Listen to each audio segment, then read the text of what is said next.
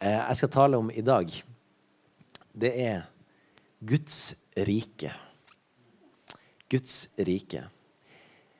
Hvis du har lest eh, litt eh, rundt omkring i Bibelen din, spesielt i Det nye testamentet, andre halvdelen av, av Bibelen, så er det mange plasser det står om Guds rike, eller himmelriket.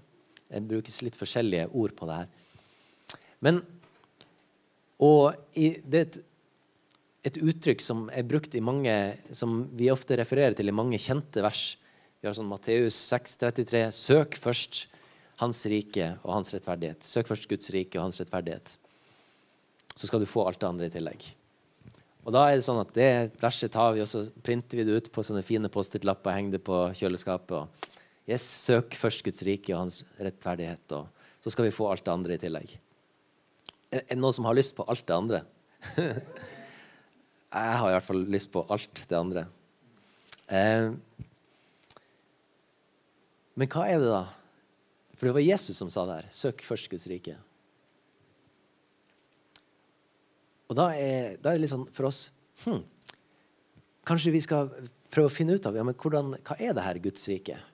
Hvordan er det vi søker det? Hvor, hva er det egentlig snakk om?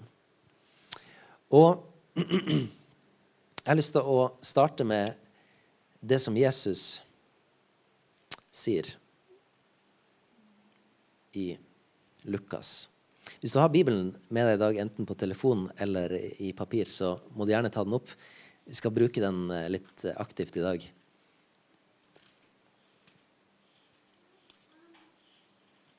Er ikke det godt? Bla litt.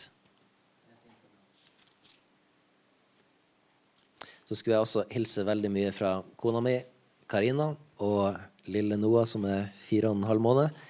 De er sprekksjuke og ligger hjemme og eh, har eh, sovet dårlig og mye snørr. Så det var til det beste for alle at de ble hjemme i dag.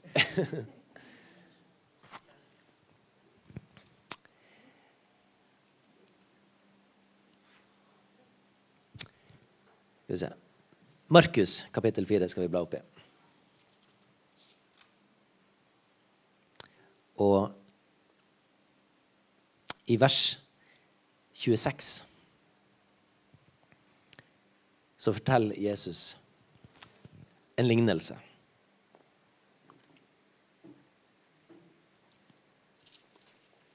Og der i Markus kapittel 4 vers 26 så står det Han sa, Jesus sa, Guds rike det er som når en mann skal så såkornet i jorda. Han sover om natta og er oppe om dagen. Såkornet spirer og vokser, men han vet ikke hvordan det går til. For jorden gir avling av seg sjøl, først strå, så aks, og deretter modent korn i akset. Når kornet blir modent, så svinger han straks sigda, for høsten er kommet. Så sa han, hva skal vi sammenligne Guds rike med? Eller hvilken lignelse skal vi bruke for å forklare det? Det er som sennepsfrø, som er mindre enn alle andre frø på jorda når det blir sådd i jorda. Men når det er sådd, så vokser Ikke når det er sådd, som i trøndersådd. Altså, det står ingenting om sådd i, i Guds ord, i hvert fall. Men når sennepsfrøet er sådd i jorda, så vokser det opp og blir større enn alle andre hagevekster. Store greiner skyter ut, slik at fuglene i lufta kan bygge reir i skyggen av det.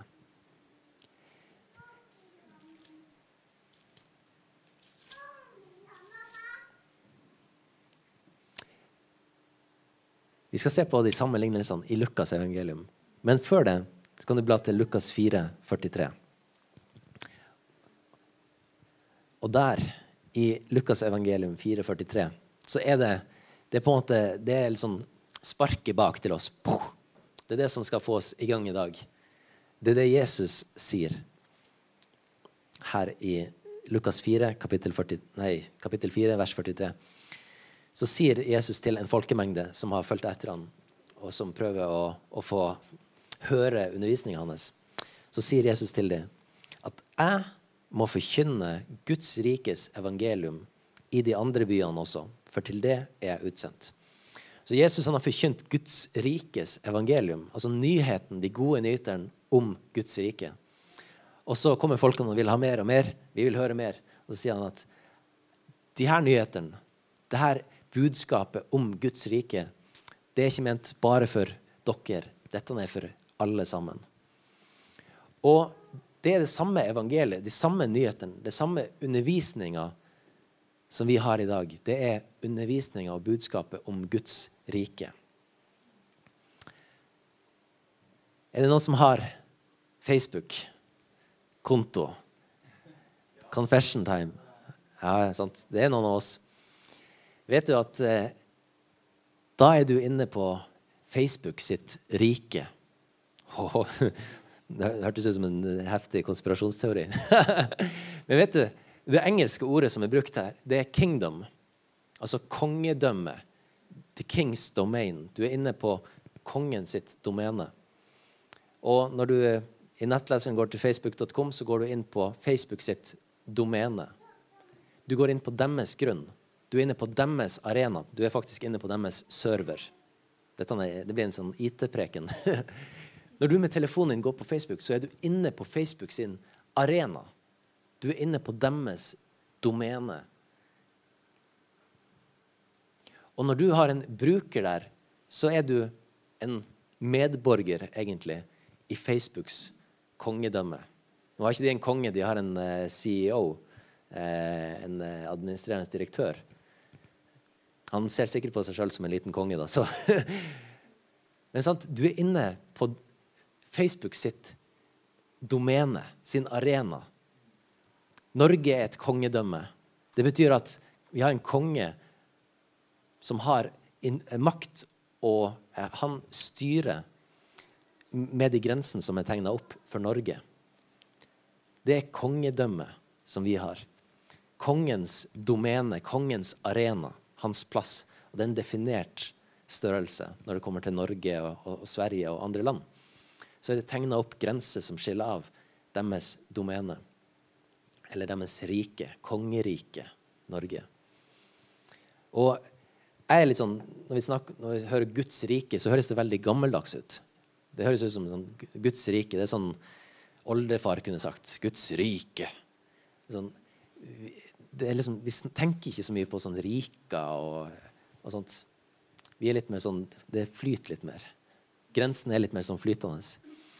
Men i forhold til det her med Guds rike, Guds domene, Guds arena, Guds måte å tenke på, Guds eh, verdisett Inne på Gud sin plan for menneskeheten.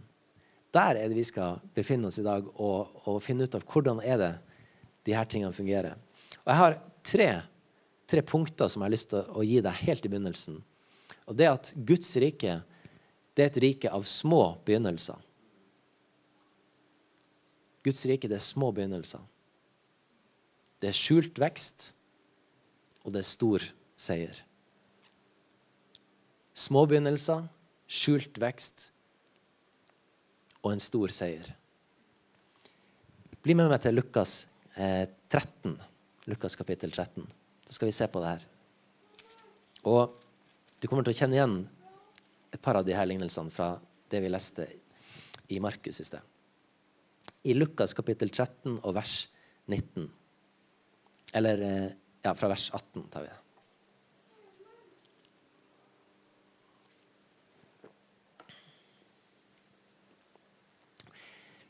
Så sa Jesus, 'Hva er Guds rike likt?' Det her sier Jesus veldig ofte. Han forteller mange lignelser om det her, om Guds rike. Og så starter han ofte med 'Hva skal vi sammenligne Guds rike med?' Det er, et godt, det er en god måte å starte på. Så hva er Guds rike likt? Og hva skal jeg sammenligne det med? Det er likt her er vi tilbake med sennepsfrø. Et sennepsfrø som et menneske tok og planta i hagen sin. Det vokste og ble til et stort tre, og himmelens fugler bygde rede i grenene på det. Igjen sa han, hva skal jeg sammenligne Guds rike med? Det er likt en surdeig som en kvinne tok og gjemte i tre mål mel. Altså, her står det at det er tre mål er ca. 18 liter.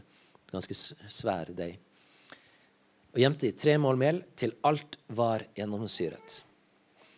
Første her ser vi med sennepsfrøet, hvordan det små, lille frøet der som i, i Nå finnes det kanskje noen frø som er mindre i dag.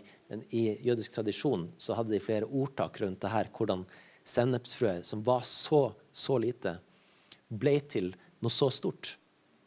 Det som så ut som ingenting, ble til noe som faktisk andre dyr og fugler kunne finne skygge i og kunne bygge sine reder i. Og det ble til eh, en stor vekst. Og Jesus han sier at sånn er Guds rike. Vi kan sammenligne Guds rike med et sennepsfrø.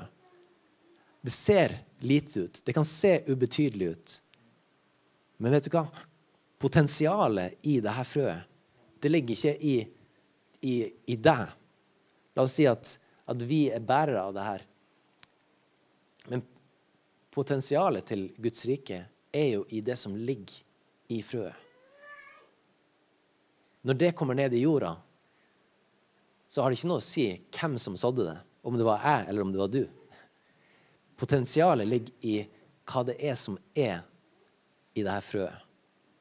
Og Jesus han sammenligner Guds rike med dette frøet. Han sammenligner ikke deg med dette frøet. Det er ikke du som skal plantes og bli et stort tre, men det er Guds rike. Så det er små begynnelser. Og så sammenligner han det med en surdeig som ei dame tar og putter inn i en, eh, i en stor haug med mel. Og den surdeigen som Nå står det ikke hvor stor den var, men den trenger egentlig ikke være så veldig stor, fordi det er så mye kraft i en sånn her surdeig. Eh, og jeg har ikke personlig erfaring med å bake surdeigsbrød, men jeg har sett folk som har gjort det. Så jeg, jeg kan vitne om at det er fascinerende. Fordi du, du, tar en liten klump med et eller annet greie. Det er sånn bakterieflora. Det er som, det er som eh, doskåler. Det er så mye bakterier der at det er helt vilt. Men det er gode bakterier. Det fins gode bakterier.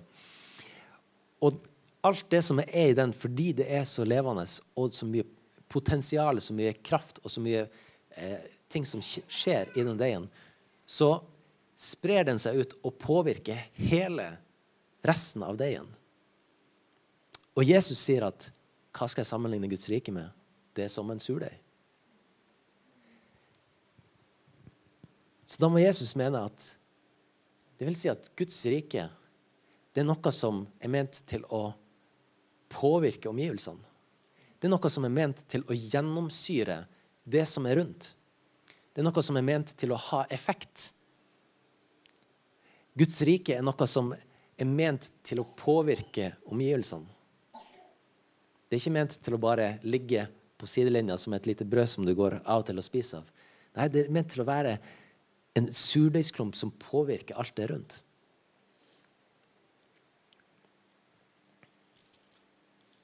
Og det blir bedre. Jeg tror du kommer, få, du kommer til å ha noe godt å tygge på i dag.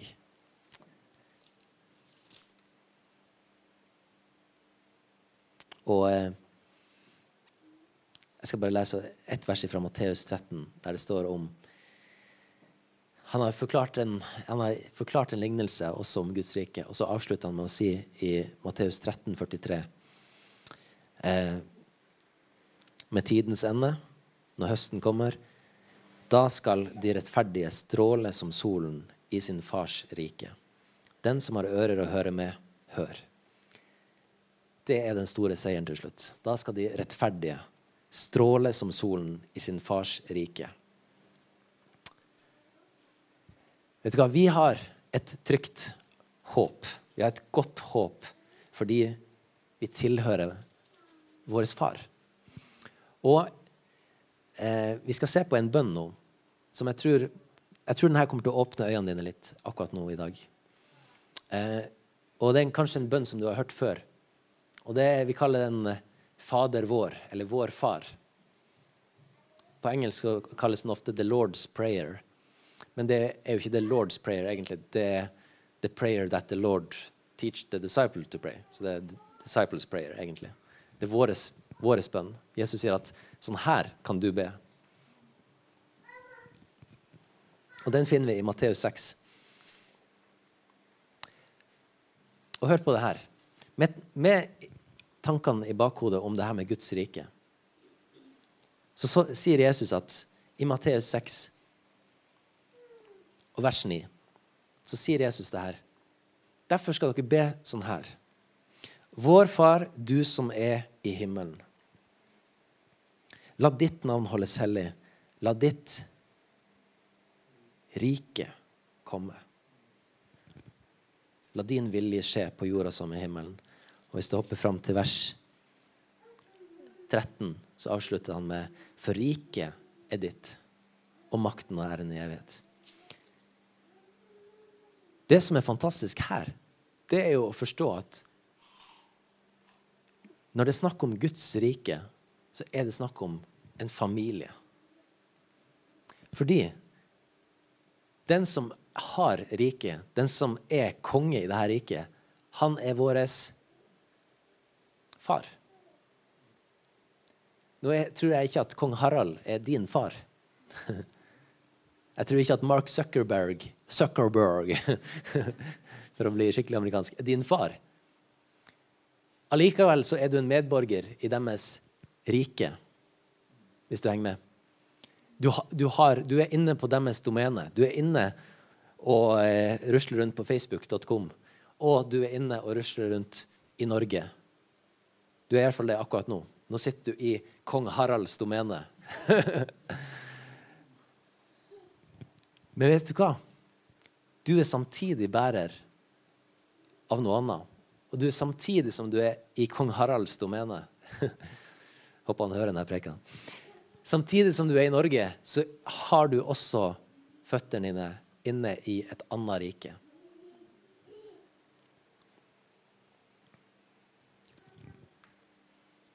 For se i Lukas kapittel 17.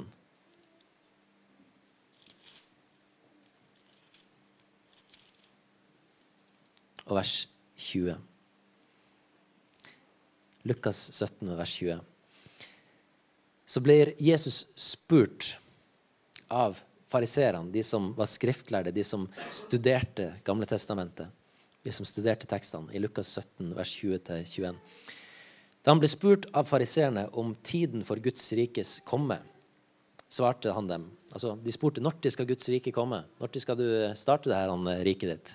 Når skal du opprette domenet gudsrike.com? Eh, og så svarer Jesus Guds rike kommer ikke slik at en kan se det med øynene. Heller ikke skal de si 'se her' eller 'se der'. For sannelig Les de der versene, de ordene. Guds rike er inne i dere. En annen oversettelse sier 'Guds rike er mellom dere', iblant dere. Så det Jesus sier, det er at det her riket som vi er en del av, som vi er medborgere av Du har fått et pass der det står at du er en medborger i Guds rike.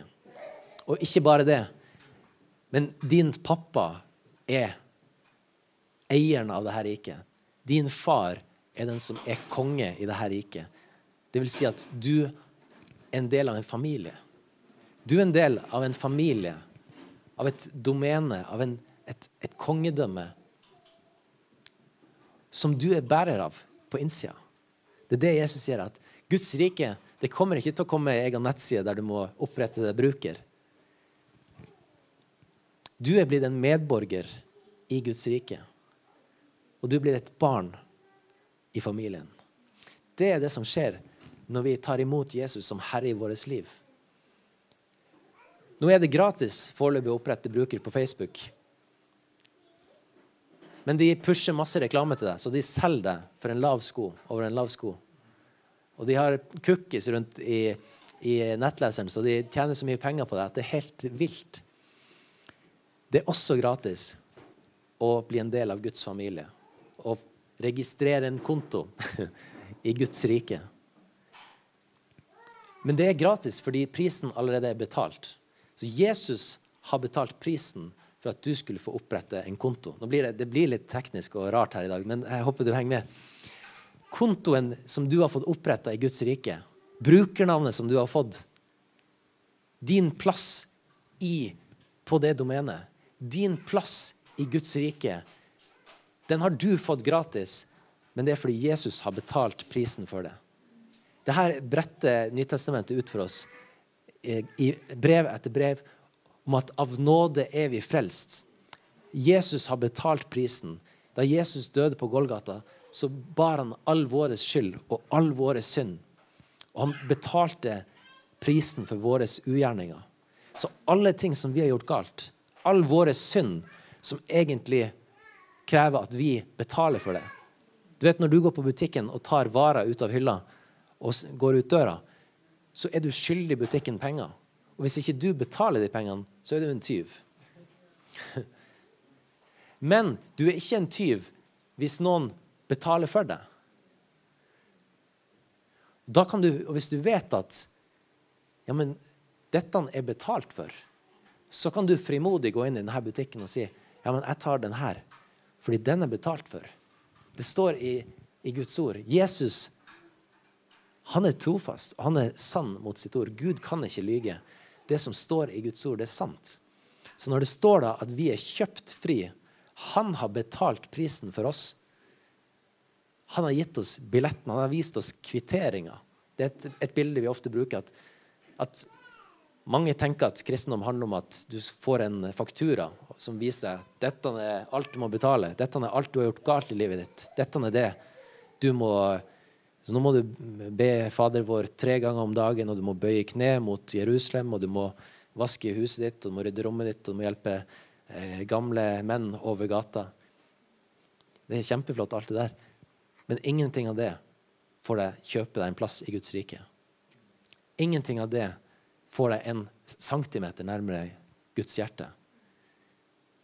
Det eneste som kan deg, gi deg plass der, det er med at du lar Jesus betale prisen for deg.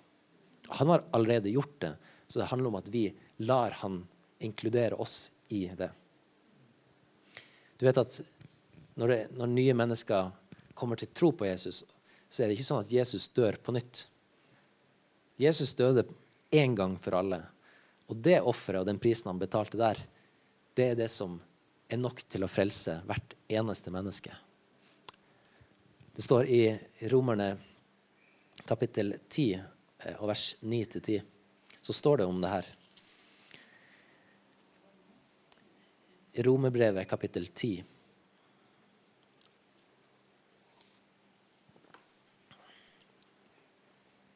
Og vers 9-10, så står det For dersom du bekjenner Herren Jesus med din munn og tror i ditt hjerte at Gud har oppreist ham fra de døde, skal du bli frelst.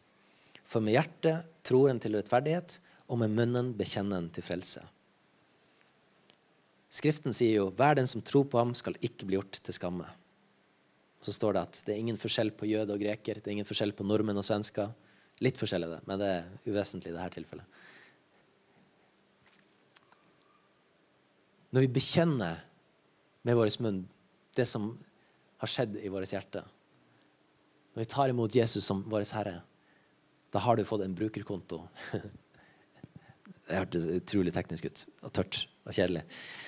Du er blitt et Guds barn, vet du. Du har fått innpass i Guds familie. Du er blitt adoptert inn i Guds hus.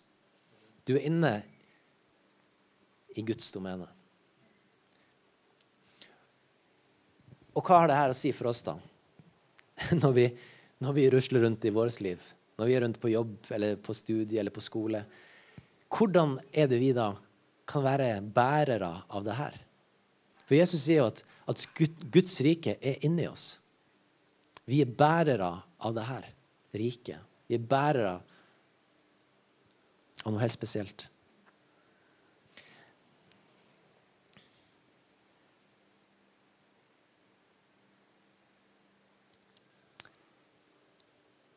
På, på torsdag et, et, et, eksempel fra mitt eget liv.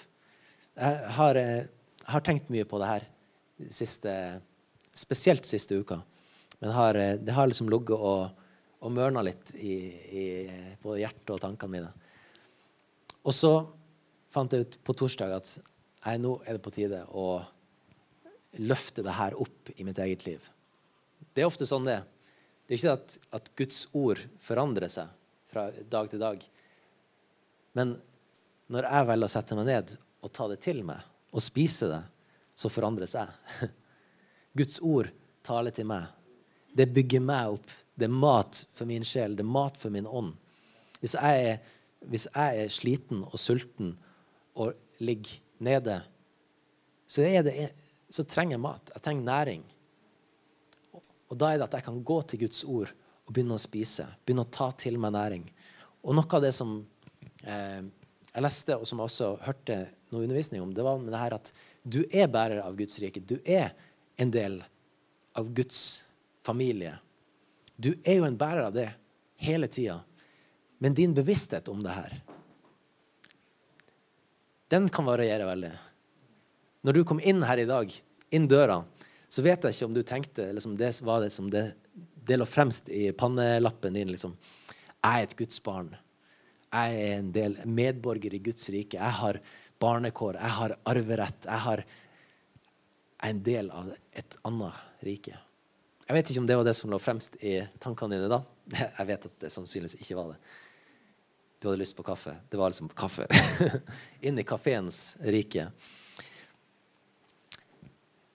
Men nå er det forandra. Fordi nå sitter du og, og, tygger på de her ordene. Og nå har du det enda lenger fram i din bevissthet. Og eh, på torsdag så gikk jeg til jobb. Jeg går til jobb. Miljøvennlig som jeg er. det er bare pga. bomringen. Eh, når jeg gikk til jobb Jeg bruker ca. 20 minutter til jobb. Og i de 20 minuttene så gikk jeg og snakka med Den hellige ånd, og jeg ba. Og det jeg ba om da, det var at Hellige ånd, eh, hjelp meg i dag til å, å la, la, ditt rike komme. La, altså, la, din vilje skje igjennom meg. Altså, la det skje noe på jobben måte, som, som, gjør at, at du blir opphøyd, at, at, du får litt mer plass der. For det, det, føles ofte som at her i lokalet her, her, er, her har Gud plass. Men når jeg, og hjemme i stua, der er også Gud plass. Der hører han hjemme. Men når jeg går til jobb, så føles det av og til som at nei, der er, det er ikke Guds domene. Da er plutselig, da er plutselig Gud borte.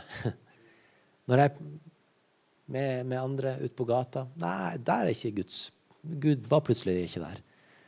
Og kanskje du kjenner det på samme måte at på studiested eller skole at, at, der var det liksom ikke så lett å snakke om, eh, om Guds prinsipper, om Guds ord og de tankene som Gud har for oss. Der blir det fort bare det som er snakk om på arbeidsplassen. Lokal kultur i arbeidsplassen og miljø og sånt. Men så jeg gikk i de 20 minuttene og snakka med Gud og, og, ba om at ja, men i dag må du eh, hjelpe meg litt. Så når jeg gikk inn på jobb, så var jeg bevisst på at ok, nå er jeg en bærer av Den hellige ånd. Eh, Gud bor i meg. Nå må du søren meg eh, hjelpe meg her. og så Det som skjer denne dagen, det at eh, i lunsjen så er vi tre stykker som sitter eh, i ja, kjøkkenområdet og spiser.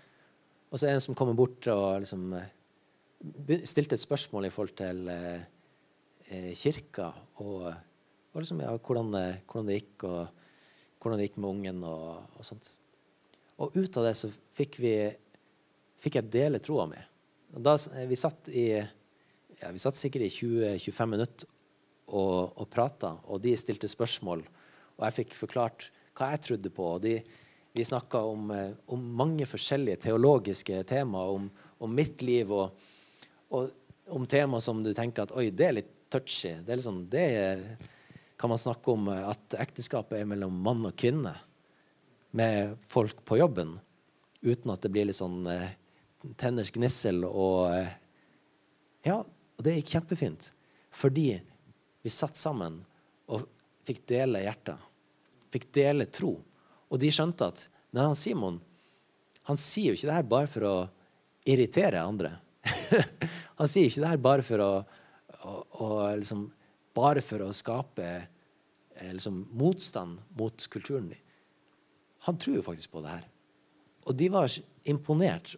Og de sa at Ja, men det her det er liksom, Han ene sa at ja, Hva var han sa? Det der respekterer jeg, og det syns jeg er skikkelig kult. Og han anerkjente virkelig at ja, men du, du, har, du, har, du tror på det her, og du velger å stå for det. Og det syns jeg er kult, sa han. Og så får vi, eh, får vi se videre hva som skjer. Men det her skjedde jo ikke på fredagen eller onsdagen. Det var ikke det at jeg var noe mindre kristen eller mindre Guds barn på onsdag eller fredag. Men jeg tror det har noe med vår bevissthet å gjøre. Og Det er ikke sånn at vi kan diktere alle folk rundt oss, men samtidig Når vi er bevisst på hva vi er en bærer av, når vi er bevisst på hvem vi er, så er vi også klar på en annen måte til å ta de her samtalene. Og vet du hva? Når det står i Matteus 6,33 at du skal søke først Guds rike, hva vil det si da? Hvordan vil du søke først Guds rike i forskjellige situasjoner? Jeg tror at det handler om ja, hva er behovet? Hvis noen er syk, ja, hva er da å søke først Guds rike? Det handler om at du ønsker at Guds rike, Guds kongedømme, skal få ta plass. Og tyven kommer for å stjele og ødelegge. Men Jesus kom for å gi liv og overflod av liv. Så da er det det det betyr i det tilfellet. Å søke først Guds rike for den personen betyr da skal vi be om at Guds rike med helbredelse og liv, overflod av liv, skal få ta plass i ditt liv.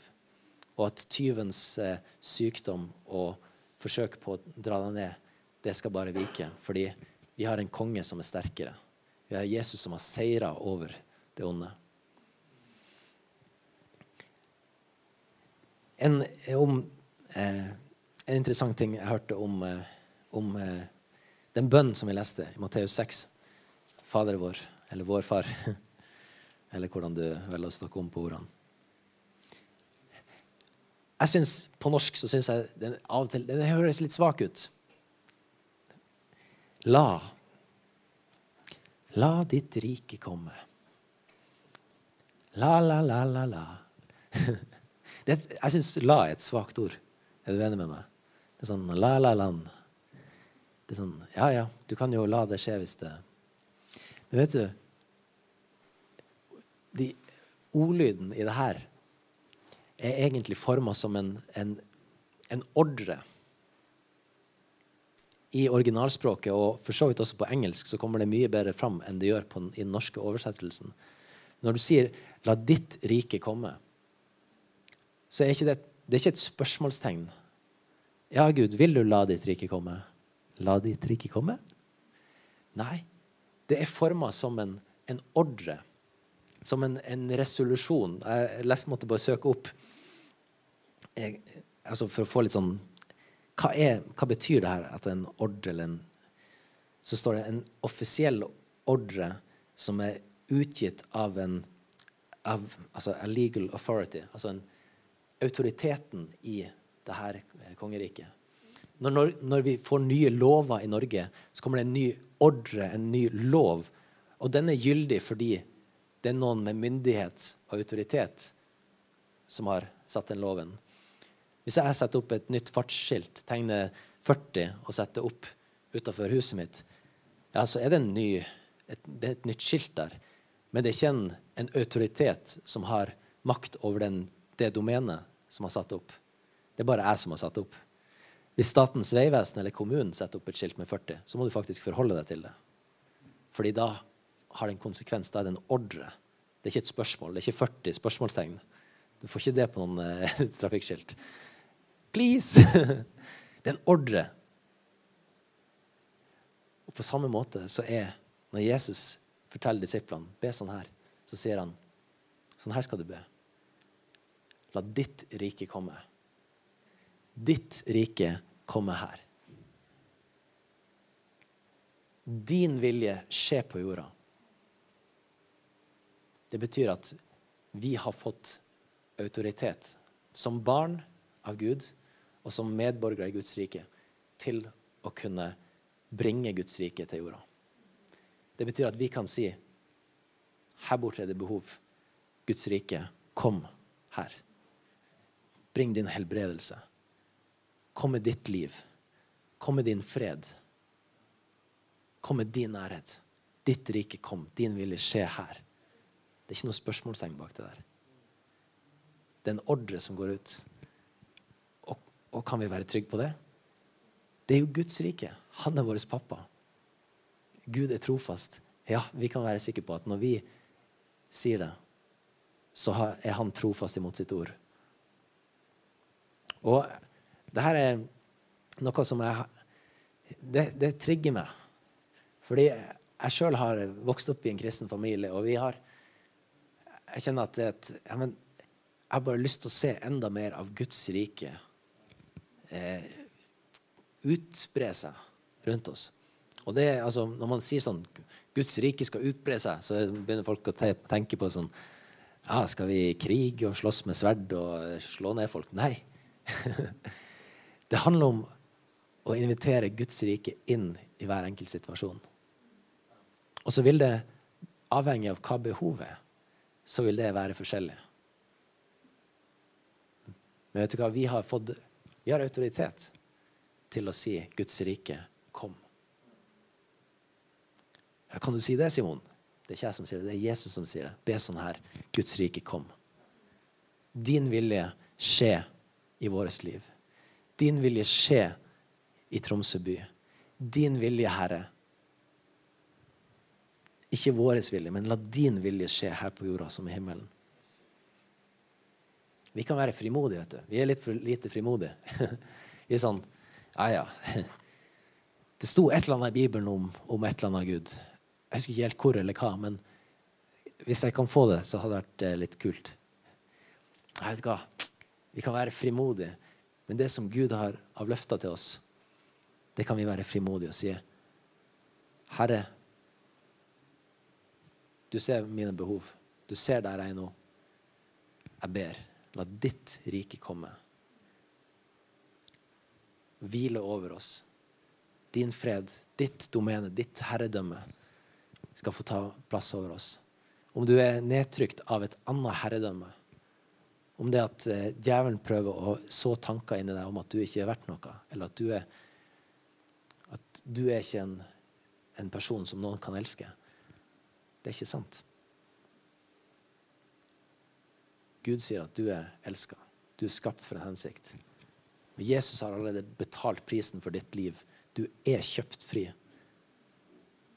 Guds rike kom og hvil over deg. Guds rike kom i ditt tankeliv i ditt sjelsliv. Kanskje det er på tide å slette brukerkontoer fra noen andre domener.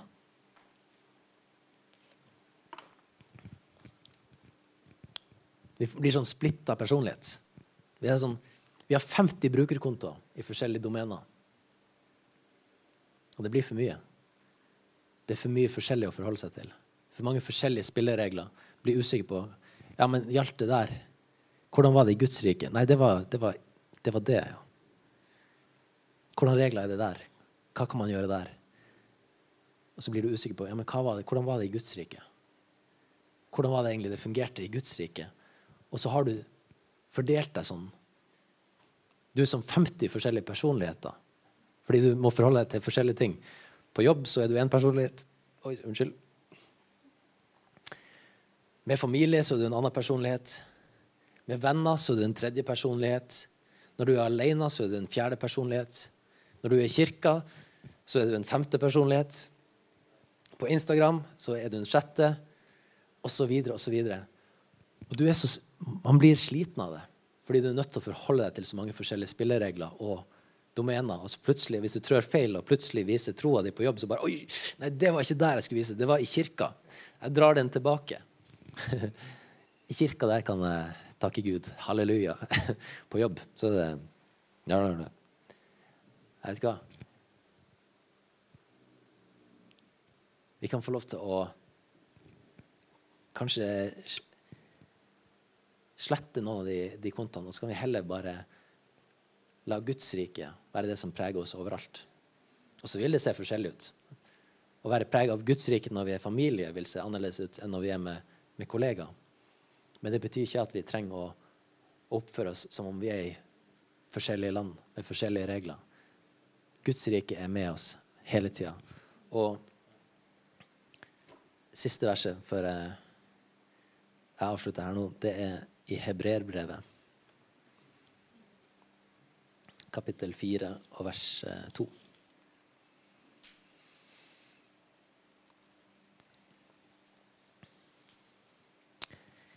Eh, og der står det om evangeliet, altså de gode nyterne om riket, om Guds rike. Det som jeg har formidla her i dag, det er evangeliet. At Guds rike har tatt plass iblant oss. At vi er medborgere i det. Vi er Guds barn. Gud er vår far. Det er hans rike. Det står her i Hebreerne 4,2 at for evangeliet ble også forkynt for oss, slik det ble for dem. Men ordet de hørte, ble ikke til noe nytte for dem, fordi det ikke ble knyttet sammen med troen i dem som hørte det. Og her er det opp til, til oss, hver enkelt av oss, å lytte. Jesus sier det flere plasser. De som har ører, hør. Ja, ja vi har ører. Men at du har ører, betyr ikke at du hører. Og om du har god hørsel og får med deg hvert ord, men de ordene ikke får slå rot i hjertet ditt, og bli, som det står her Hvis ordet ikke blir knytta til, eller ikke knytta sammen med troen, så vil det ikke ha noe nytte. Da har du bare hørt eh, 45 minutter med Simon eh, prate i dag. Og så går du hjem, og så, og så var det Nei, det var, han sa, han prata. Det var mange ord. De, jeg hørte hvert eneste ord, men jeg vet ikke hva han sa. det, vil, det ville ha vært 45 minutter bortkasta. Så fin stemme har jeg ikke. Da, da skulle du heller hørt på sånn Whitney Houston eller noe sånt. Hun har finere stemme. Men sant? det handler ikke om stemmen, men det handler om innholdet i ordene.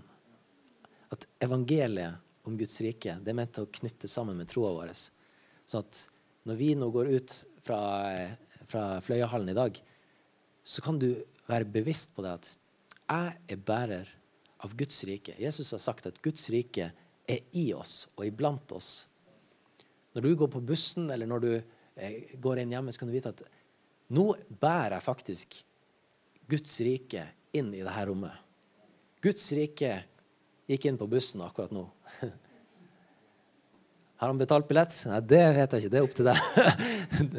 det bør du ha gjort.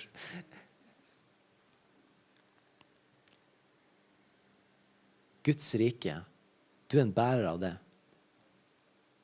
Og det er ikke en tung byrde. Det er ikke ment å være det. Jesus sier at alle som bærer tunge byrder, de skal komme til han. Og så skal de få gå i åk med han. Det betyr at vi går sammen side om side. Og Jesus han har på en måte grepet rundt deg og holder deg oppe og bærer deg. Når du er sliten i beina, så går han og, og holder deg oppe og går ved siden av deg. Så det er ikke ment til å være tungt å være en del av Guds rike. Det er ment til å være befriende og oppløftende.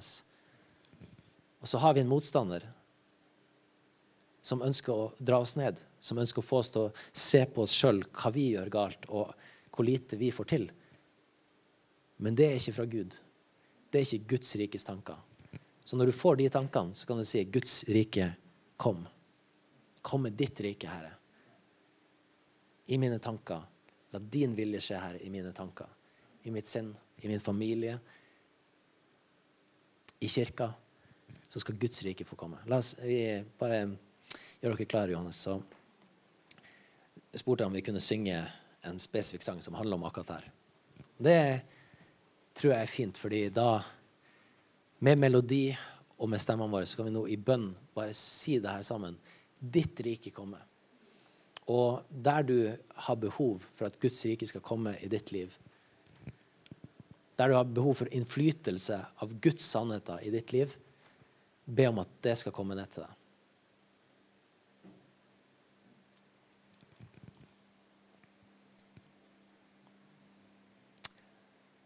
Og så har vi et løfte om at det skal være til nytte. Når ordet vi har hørt, blir knytta sammen med troa vår, da står det at da skal det gi frukt. Det skal ikke være bortkasta.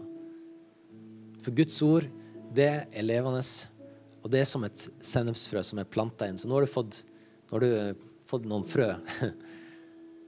Det her skal få lov til å vokse. Så Guds rike det er små begynnelser, det er skjult vekst, og det er en stor seier til slutt.